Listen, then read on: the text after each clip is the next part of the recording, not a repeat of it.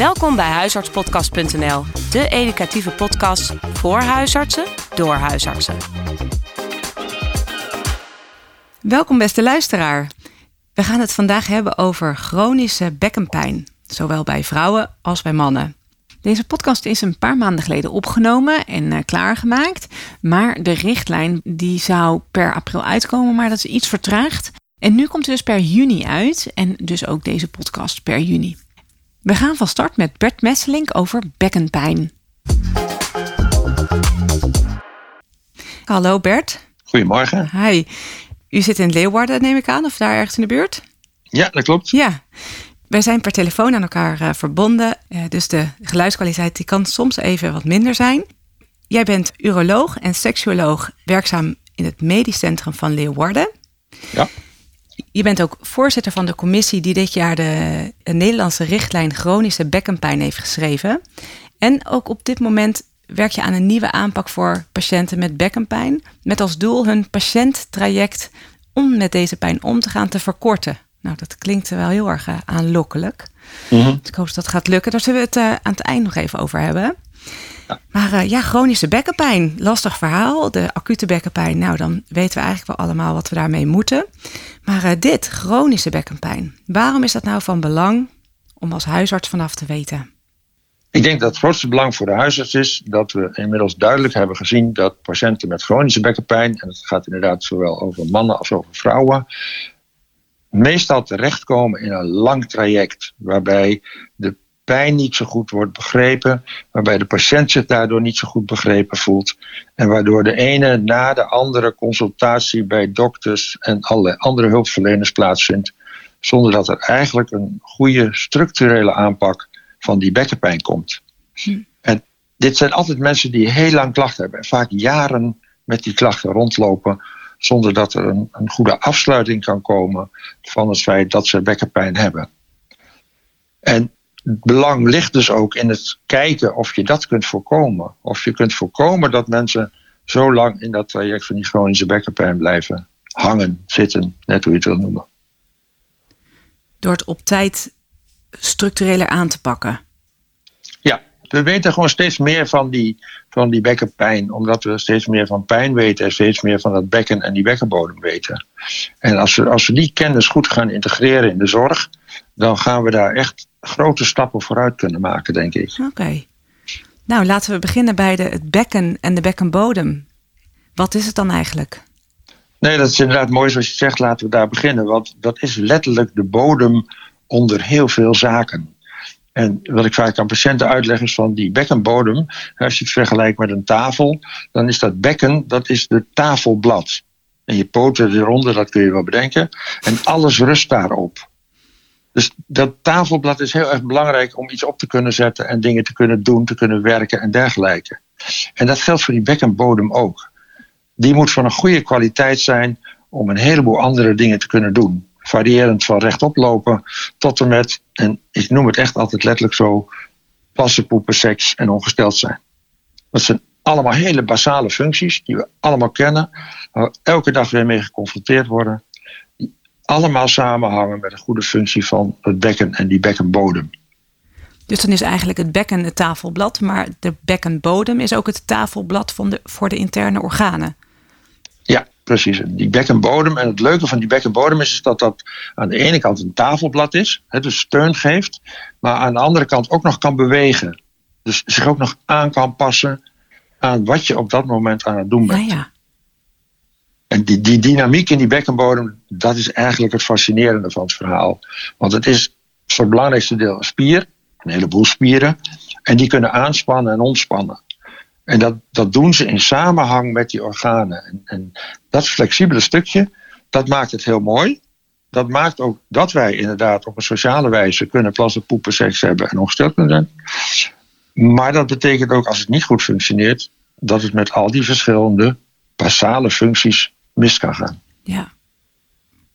En waar geeft die patiënt het dan aan, waar die pijn zit? Ja, dat is heel wisselend. En wat ik nu ga zeggen is ook een beetje natuurlijk al interpretatie. Ehm, we denken dat mensen de pijn vooral aangeven in plekken die ze zelf kennen, die ze herkennen. En heel zelden hoor je dat iemand zegt: Ik heb pijn in mijn bekkenbodem. En dan denk ik: Oh, je weet er al best heel veel van. En heel vaak zullen mensen natuurlijk zeggen: Mannen zeggen heel vaak: Ik heb pijn in mijn prostaat of ik heb pijn in mijn ballen. Vrouwen zeggen heel vaak: Ik heb pijn in mijn blaas. Of heel veel pijn bij menstruatie, dus in mijn baarmoeder. Maar dat is waar ze denken dat ze het voelen. En dat is dus ook wat ze zelf aangeven. Ze zeggen, ja, ik heb gewoon pijn in mijn blaas. Ja. Ze geven bepaalde orgaansystemen aan. Ja, want dat kennen ze. En, en dat, is ook wel duidelijk. Hè? Mannen en een prostaat. Mannen weten vaak wel over hun prostaat en zeker over hun ballen, want dat is een belangrijk orgaan voor ze. Als ze daar iets voelen, dan is dat ook heel snel dat ze uh, dat zullen aangeven, dat zullen noemen naar jou als huisarts of als specialist. En bij vrouwen veel meer over de blaas. Want vrouwen hebben vaak natuurlijk blaasontstekingen en kennen ook het pijnlijke gevoel wat daarbij hoort. Dus dat is vaak gebruiken om aan te geven, daar zit die pijn. Ja. Kan ik me voorstellen dat dat jou als huisarts juist in de orgaansysteemrichting duwt, in plaats van in een uh, ja, chronische soort van bandenpijn? Zeker. Ja, dat, is eigenlijk een van de eerste kliks die we moeten maken. Hè, en moeten zeggen van het gaat bij de patiënt wat die vertelt over waar hij het voelt. Maar dat zegt eigenlijk, en ik durf het best scherp te zeggen, dat zegt eigenlijk niks over waar het uiteindelijke pijngevoel zijn origine heeft. Ja, ja. Daar gaan we het natuurlijk nog over hebben. We willen het eerst nog hebben over die pijn. Wat voor, je hebt natuurlijk allemaal verschillende soorten pijn, zoals bij iedereen wel bekend. Uh, maar wat voor soort pijn is dit? Ja, wat ik, wat ik heel erg belangrijk vind als het over, uh, over pijn gaat, uh, is dat we weten, zeker in die chronische situatie, dat dat heel zelden nog iets te maken heeft met beschadigingen, afwijkingen in die organen. En dat is ook waarom we, en dat zei je net al heel mooi, moeten oppassen niet te snel richting een orgaandiagnose te gaan. Als je kijkt naar dat bekkengebied en dus naar de bekkenpijn, dan speelt die bekkenbodem daar inderdaad een belangrijke rol. Daar zie je natuurlijk vaak de functieverschillen en de functiewisselingen en de dysfuncties. Dat is eigenlijk een soort, uh, somatische pijn. Maar aan de andere kant zie je ook een probleem met de functie van de organen. Want als die bekkenbodem het niet doet, doet die blaas het misschien niet goed. En daar heb je vervolgens veel meer weer de viscerale input. Dus de orgaaninput die een rol speelt. Dus je ziet zowel somatische als viscerale pijnen uh, in het gebied van het bekken. Bij die bekkenpijn. En dat, dat, die combinatie is natuurlijk ook wat het interessant maakt, maar soms ook lastig maakt. En, en wat voor die pijn heel erg belangrijk is, want dat is de winst van de afgelopen 10, 15 jaar uh, wetenschappelijk onderzoek op dit gebied, dat is het feit dat weefsels en organen geen pijn kennen. En dat, dat denken we toch nog wel eens een beetje, denk ik. Maar een, een, orgaan weet niet wat pijn is. Een orgaan weet wat functie is. Een orgaan kan informatie geven over wat er met dat orgaan gebeurt. Een orgaan kan ook zeggen van hé, hey, er is beschadiging, zoals bij een blaasontsteking bijvoorbeeld. Maar al die informatie komt uiteindelijk terecht in het brein en alleen het brein weet wat pijn is. Dus in 100% van de gevallen wordt pijn gemaakt door ons brein. En, en dat is een hele wezenlijke, uh, ja, toch wel wat nieuwere ontdekking van de afgelopen tien jaar. Die zoveel mogelijkheden biedt. Ook om iets met die pijn te doen. Maar zeker naar patiënten toe ook wel een lastige is om goed uit te leggen. Want mensen beginnen heel snel je terug te geven dat je denkt dat het tussen de oren zit, dat het psychisch is. En die moet, die moet je snel benaderen ook. Die moet je bedenken dat je dat zelf realiseert, dat mensen dat denken. Ook teruggeven hè, dat dat niet zo is, dat je heel reële pijn vindt. Maar dat je ook weet dat pijn door het brein gemaakt wordt. Hmm. Oké, okay, dus dit is een relevante vooruitgang of ontwikkeling in de wetenschap. Dat de organen ja. niet pijn als signaal geven, maar meer mm -hmm. aangeven dat er dus iets verstoord is. En dat ja. het brein daar pijn van maakt. Precies. En ja. oké, okay, dan heb ik twee vragen. Ten eerste, hoe zijn ze daar nou achter gekomen? Kan je dat kort uitleggen? En ten tweede, ja, wat is daar dus de implicatie van? Kan je dan dat je uh, die pijn niet vormt in je hoofd? Of wat kan je, wat kan je daar vervolgens mee? Ja, ja Zeker. Wat de uitleg betreft is hoe komen we daarop? Nou, wat we natuurlijk ontdekt hebben is dat bijvoorbeeld nociceptie, dus beschadiging en pijn, twee verschillende dingen zijn. En dat kennen we allemaal wel. We kennen allemaal wel die topsporter die na afloop van de wedstrijd toch een fractuur blijkt te hebben. Hm. Geen pijn had, gewoon doorgegaan is. Dus blijkbaar vond het brein op dat moment niet nodig om pijn te maken, want er waren andere dingen belangrijker. Maar er was wel degelijk nociceptie. En we kennen ook wel voorbeelden van mensen die zeggen van die ontzettende pijn hadden, waarbij uiteindelijk geen nociceptie bleek. Ja. En dat kent de huisarts ook. Hè? Mensen zeggen ik heb zo'n pijn, moet plassen en dit en dat. En dan kijk je de urine na en dan vind je een prachtig schone urine. Dan is er geen blaasontsteking, maar ze hebben wel allebei passende pijnklachten. Ja. Dat, dat is aangevuld met veel onderzoek waarbij met name de functionele MRI ons veel geleerd heeft. Daarmee weten we beter hoe pijn ontstaat in het brein en hoe ook informatie vanuit het lichaam wordt omgezet in pijn. En het feit dat daarbij ja, heel veel andere dingen dus ook een rol spelen. Waar je bent, wat je doet, of je eerder in zo'n situatie bent geweest, of je eerder dit soort gevoelens hebt gevoeld, hè, dit soort klachten hebt gehad. Het brein weegt dat allemaal mee in de overweging van zal ik wel pijn maken, zal ik niet pijn maken. Ja. En de pijn die je voelt in het brein, die daar gemaakt wordt, die is niet anders. Nee, klopt. Het is gewoon pijn. Dat is pijn. Ja. Nou, dat, dat is heel belangrijk. Als je dat tegen patiënten zegt, ben je al heel eind heen. Hmm. Ja. Ik zeg elk, elk gesprek met een pijnpatiënt zeg ik minstens één of twee keer u heeft pijn. En dat, dat is heel belangrijk, dat je dat erkent van u heeft pijn. Ook als er niks aan, u heeft pijn. En hoe vertaal je nociceptie in dat verhaal naar de patiënt? Een soort van dus een prikkel of zo? Ja, wat ik, wat ik inderdaad altijd uitleg is dat er komt van allerlei informatie vanuit bijvoorbeeld de blaas naar het brein. En dat kan zijn dat dat inderdaad beschadigingsinformatie is. Dus als je een blaasontsteking hebt. En dan heb je een, grote kans dat het brein zegt er is pijn. Het kan ook zijn dat dat nadat je bijvoorbeeld twee of drie keer een blaasontsteking kort achter elkaar gehad hebt. Er geen blaasontsteking meer is. Maar de gewone informatie van de blaas, namelijk over hoeveel urine erin zit. Het brein toch een beetje triggert. En dat brein denkt, wacht, wacht even, is het wel goed? Daar was toch iets met dat orgaan? Dat, er was problemen de vorige keer. Ik, geef, ja, ik probeer het altijd heel visueel te maken voor patiënten. Van, ik ga toch een pijnsignaal geven. Ik, ik wil toch aandacht voor dat orgaan, zeg maar. Dus die, dan voelt de patiënt zich echt gehoord ook. Dat er dus wel... Hij is niet gek, het zit er wel. Hmm. Maar het is een verkeerde vertaling van het brein. Ja, en, en het leuke wat je daar dan nog aan toevoegt... is dat je nog ook zegt, en daar begin ik eigenlijk altijd mee... ons brein is ons brein dat heeft maar één belangrijke functie en dat is jou beschermen, goed voor jou zorgen. Wat dat brein ook doet, het brein wil altijd goed voor je zorgen.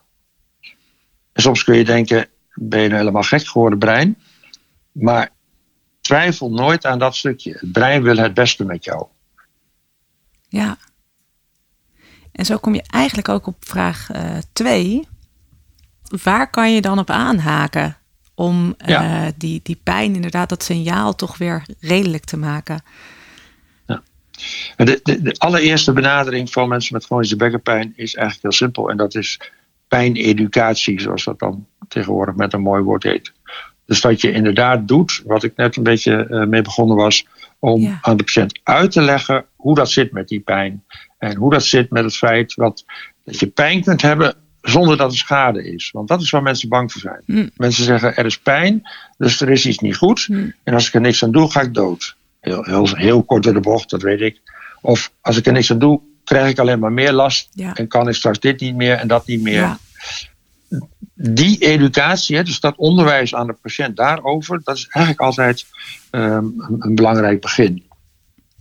En een tweede, wat, we, wat wij natuurlijk in de zorg doen, wat we in de tweede lijn zorg tegenwoordig heel veel doen en proberen te doen ook, is ook aan al die verschillende aspecten goed aandacht te besteden. Dus dat betekent, hij kijkt een medisch specialist mee voor de organen.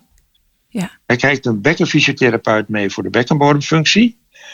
En hij kijkt een psycholoog mee. En die psycholoog kijkt van wat zijn de gevolgen van de pijn hoe ga jij daar als mens, als, als individu mee om? En hoe kunnen we daar dan ook op ingrijpen? En Ik zeg altijd patiënten, als je, als je een pil wilt voor je blaas, moet je bij mij zijn. Daar heb je een specialist voor nodig. En als je iets met hoe dat brein omgaat met die signalen wilt, dan moet je bij de psycholoog zijn. Ja. Want die kan dat behandelen. Die kan je daarbij helpen. Ja. En dan hebben we het nu inderdaad over de multidisciplinaire benadering. Ja. En dan hebben wij ja, misschien ook de wat mindere klachten als huisartsen. Maar voordat je bij zo'n multidisciplinaire benadering komt, zou je het eigenlijk als huisarts ook uh, nou ja, met deze duidelijke uitleg kan je dan alvast een start maken. Maar ja, dan lijkt het me wel een beetje spannend om ook echt te kunnen zeggen: er zit niks. Ja, eens. Dat, dat is ook spannend in die zin. Um, ik zou zeggen, dat is ook belangrijk. En dat is ook als je, als je kijkt naar hoe we daarmee omgaan, en ook, ook in de richtlijn is dat heel duidelijk. Het eerste punt is altijd: kijk of je bekende aandoeningen zit die de pijn kunnen verklaren. En kijk of je rode vlaggen ziet. Nou, de rode en gele vlaggen, dat kennen huisartsen natuurlijk hartstikke goed. Als veel bewondering voor huisartsen hoe ze al dat soort dingen er weer uit kunnen vissen.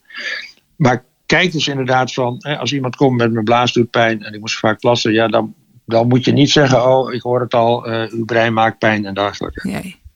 Dan, dan moet je zeggen, oké, we gaan naar uw blaas kijken. In de zin van, we gaan de urine goed nakijken.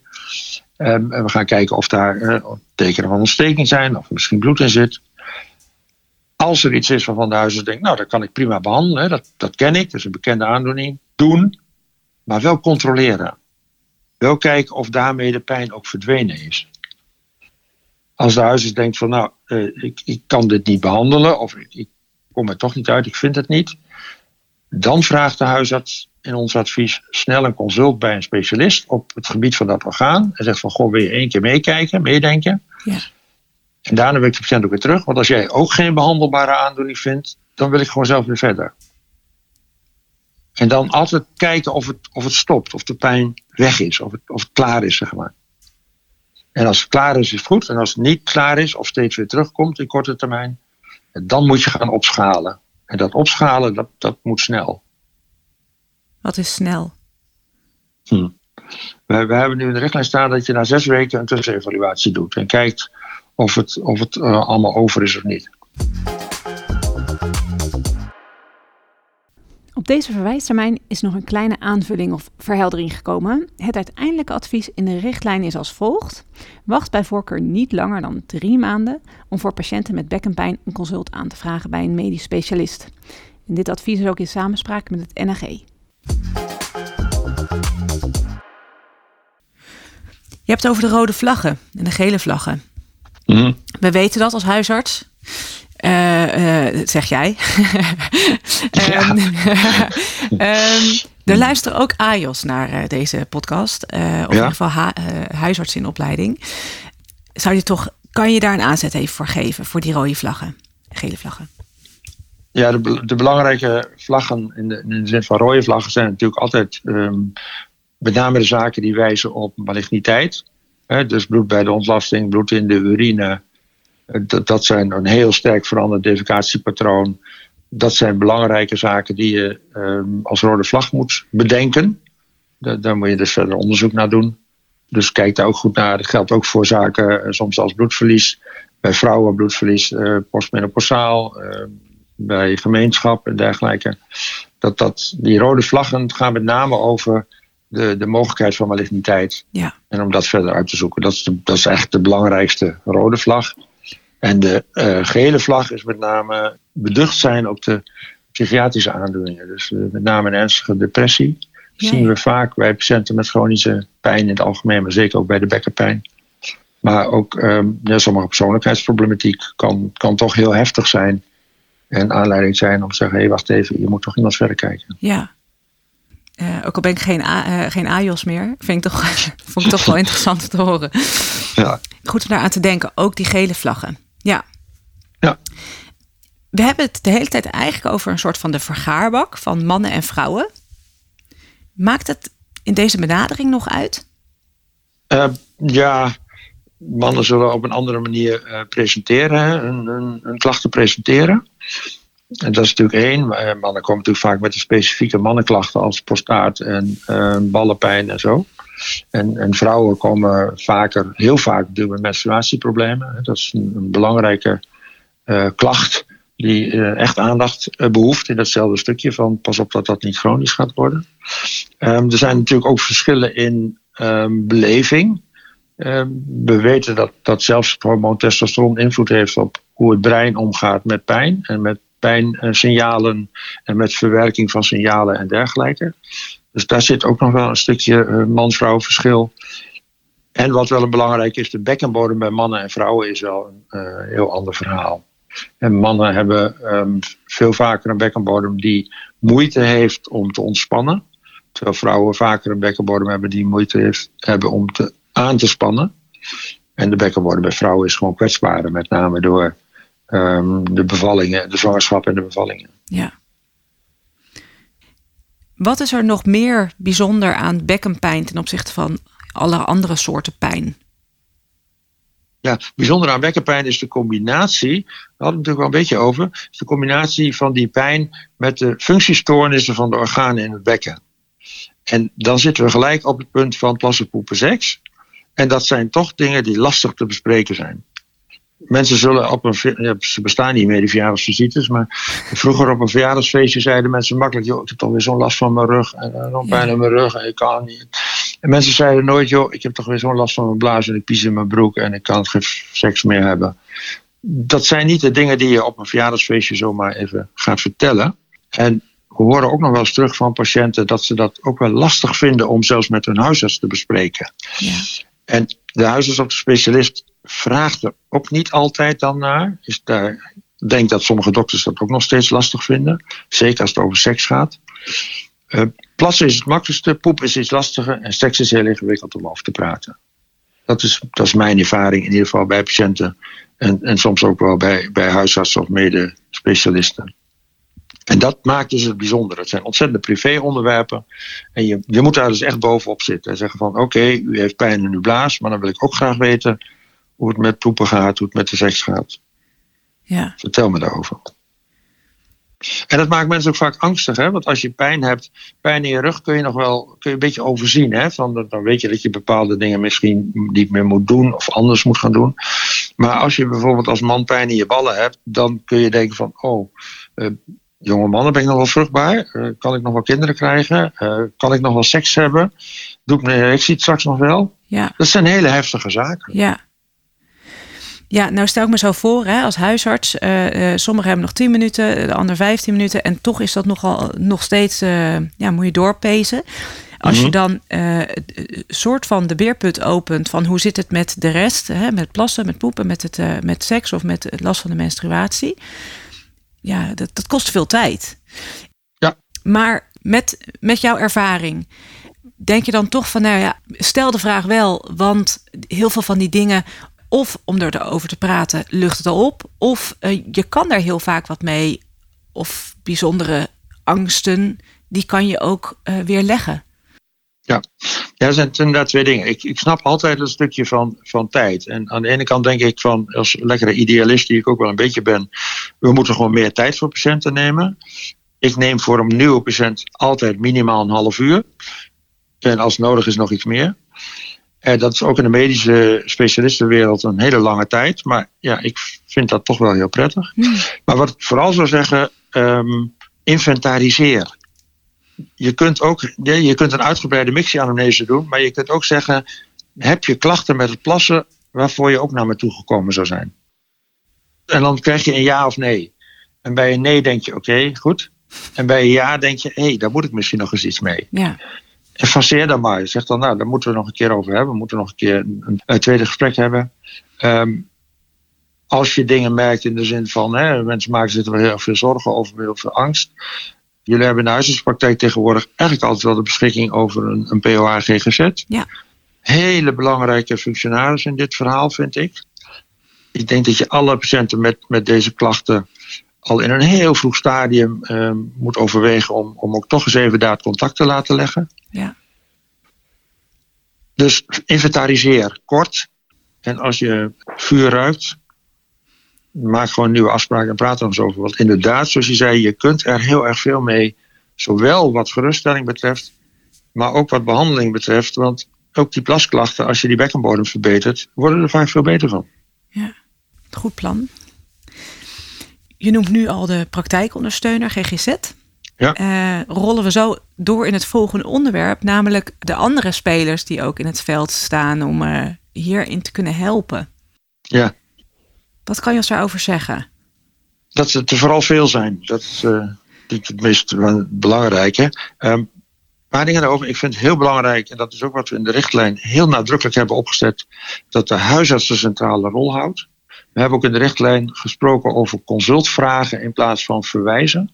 Dus dat echt denk ik dat het belangrijk is dat de huisarts in ieder geval ook op langere termijn uh, een stuk begeleiding kan doen met onder andere de POA GGZ. Ik wil er eentje extra noemen en dat is de verloskundige. Mhm. Die hebben we ook bij de richtlijn betrokken, de KNOV. En uh, die hebben ook meegedacht. Want verloskundigen kunnen ook een belangrijke rol spelen in het signaleren van pijnklachten rondom de zwangerschap, rondom de bevalling en, en daarna. En dat is ook belangrijk dat die zich dat gaan beseffen en dan ook op tijd daar actie gaan ondernemen door uh, de aandacht aan te besteden, goede uitleg te geven, maar ook te verwijzen, uh, de huisarts te vragen, zeggen van goh, wil je daar toch nog eens even extra aandacht aan geven, want dit is wat wij signaleren. En dan wat de behandeling betreft, ja, de twee belangrijkste zijn de bekkenfysiotherapeut en de psycholoog-seksuoloog. Ja. Dat, dat, zijn de mensen die, um, die zoveel te bieden hebben als het gaat om de behandeling van chronische bekkenpijn. Dat we vinden dat, dat iedere patiënt uh, deze twee hulpverleners ook een keer moet zien. Allebei? Ja. Want die vullen elkaar echt aan. Ja, en het, en het vult elkaar aan en het overlapt elkaar ook wel een stukje. Ja. Want die psycholoog die kijkt natuurlijk bijvoorbeeld naar, naar zijn spanning. En die kijkt naar meerdere spanningen. En die snapt ook wel dat dat iets met spierspanning te maken heeft.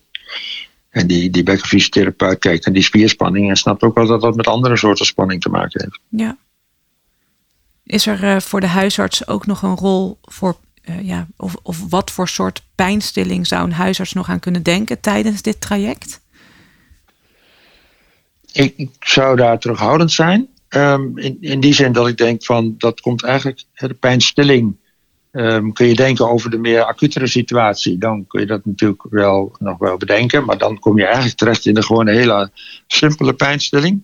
Gewoon de, gewoon de basale eerste, eerste lijnen, zeg maar. Paracetamol en, en eventueel NSAID's, dat, dat kun je doen. Je kunt de symptomen verlichten. Dat kan natuurlijk wel, hè. De patiënt die zegt van ik moet ontzettend vaak plassen of ik, ik kan soms dagen niet poepen en dat doet me pijn. Ja dan kun je natuurlijk met de gebruikelijke uh, middelen voor overactieve blaas en obstipatie en dergelijke ook wel veel aan die pijn doen. Dat is het belangrijke. Ja. ja, en dan de, de verdere medicatie, ja, dan kom je toch snel vanuit het uh, meer specialistische traject terecht in de behandeling van de, de, de neuropathische pijn en zo, dus de zenuwpijnen. Ja, ja. Daar kan de huisarts op langere termijn wel een rol spelen. Maar de indicatie in eerste instantie zou ik daar toch bij de specialist laten. Ja. Dus de pijnstillende benadering is eigenlijk niet anders dan anders, andere soorten pijn. Maar exact. wees terughoudend. Ja. Ja. ja. ja. Jullie hebben de, een nieuwe richtlijn gemaakt.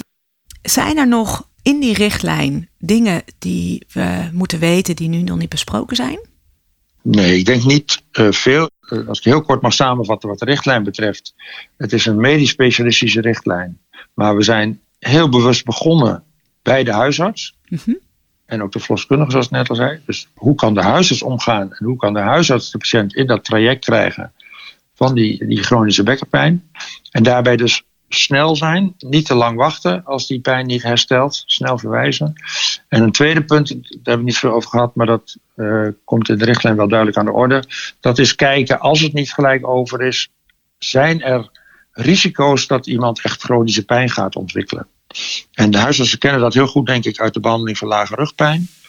Daarbij wordt dat heel veel gebruikt, heb ik begrepen, om te screenen: is dit een hoog risico of een laag risico patiënt? En als het een hoog risico patiënt is, dus zegt van nou grote kans hè, dat hij chronische pijn gaat ontwikkelen, echt, dan willen we heel graag dat hij snel verwezen wordt naar zo'n multidisciplinair eh, bekkenpijnteam. Dus met medisch specialist, psycholoog, bekkenfysiotherapeut om, om snel erbovenop te zitten. Dat is eigenlijk het belangrijkste van uh, deze richting.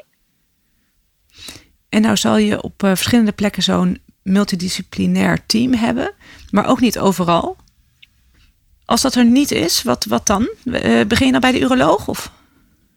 Als het er niet is, dan zou ik vooral kijken of je in je netwerk een medisch specialist hebt. Dus of een uroloog, of een gynaecoloog, of een MDL-arts. Waarvan je zegt, die is geïnteresseerd heel specifiek in dat stukje van functieproblemen en wat het met patiënten doet. En dat verschilt gewoon. De ene arts heeft daar meer mee dan de andere. En dat is, daar is ook niks mee mis, laat dat duidelijk zijn. Maar als huisarts kan het fijn zijn als je een paar van dat soort specialisten in je netwerk hebt. Die zegt van nou, die heeft daar gewoon net iets meer oor voor. Ja. En verwijs dan en laat die dan meedenken. Ja, helder. Volgens mij komen we dan bij het laatste punt. Uh, het project waar je zelf nu mee bezig bent. Om dat traject van die chronische bekkenpijn mhm. te bekorten. Ja. Ik ben wel benieuwd hoe, hoe dan? De opzet van die multidisciplinaire bekkenpijnteams, dat is onderwerp van onderzoek wat we gaan doen. Wat is het effect van zo'n multidisciplinair bekkenpijnteam als je dat op korte termijn inzet bij patiënten met bekkenpijn en chronische bekkenpijn. Want dat is wat we heel veel horen. Hè? Patiënten die bij ons team komen, nou, die zeggen nog wel eens van... goh, waarom ben ik nu pas bij jullie terechtgekomen? Ja, ja. Terwijl ze daarvoor bij nou, meerdere medisch specialisten zijn geweest. Soms ook wel bij een psycholoog zijn geweest. Maar de, de samenhang gewoon niet goed is gewaarborgd. Ja, ja in zo'n team dan uh, staan alle neuzen dezelfde kant op. Exact. Uh, Bert, zijn er nog uh, andere zaken die je hier aan toe wil voegen?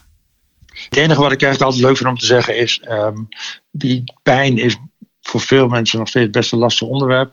Maar in mijn ervaring, als er één onderwerp is waar de laatste jaren heel veel nieuwe dingen zijn ontdekt en duidelijk zijn geworden, dan is het wel pijn. En als je je interesseert voor die pijn en dat ook meekrijgt en beter begrijpt, is de benadering van patiënten met chronische pijn ook een veel leuker deel van je vak. Als je dat breed kunt bekijken, dan wordt ook de benadering van deze patiënten niet meer een lastige patiënt, maar een ontzettend leuk om te doen met mooie effecten. Dus dat, dat zou ik als laatste nog mee willen geven. Nou, mooi. Hey Bert, mag ik je hartelijk bedanken voor deze mooie uitleg. Ja, zeker. Ik vond het ontzettend fijn om het te mogen doen. Want ik vind het ontzettend leuk dat ik het mag uh, uitdragen, ook naar de huisartsen toe. Die ik een bijzondere rol toeken, ook in dit, uh, in, de, in, dit verhaal. Dus ja. dank jou wel. Ja. ja. En dit was een podcast over chronische bekkenpijn bij mannen en bij vrouwen. Hoe daarmee om te gaan, hoe dat uit te leggen aan de patiënt en hoe je dat verder aan kan pakken. Het was een podcast met Bert Messelink en ik ben Femke Veldman. Tot de volgende podcast. Bedankt voor het luisteren. Bekijk ook onze website op huisartspodcast.nl. Voor vragen of suggesties kun je mailen naar huisartspodcast.gmail.com. Tot de volgende keer.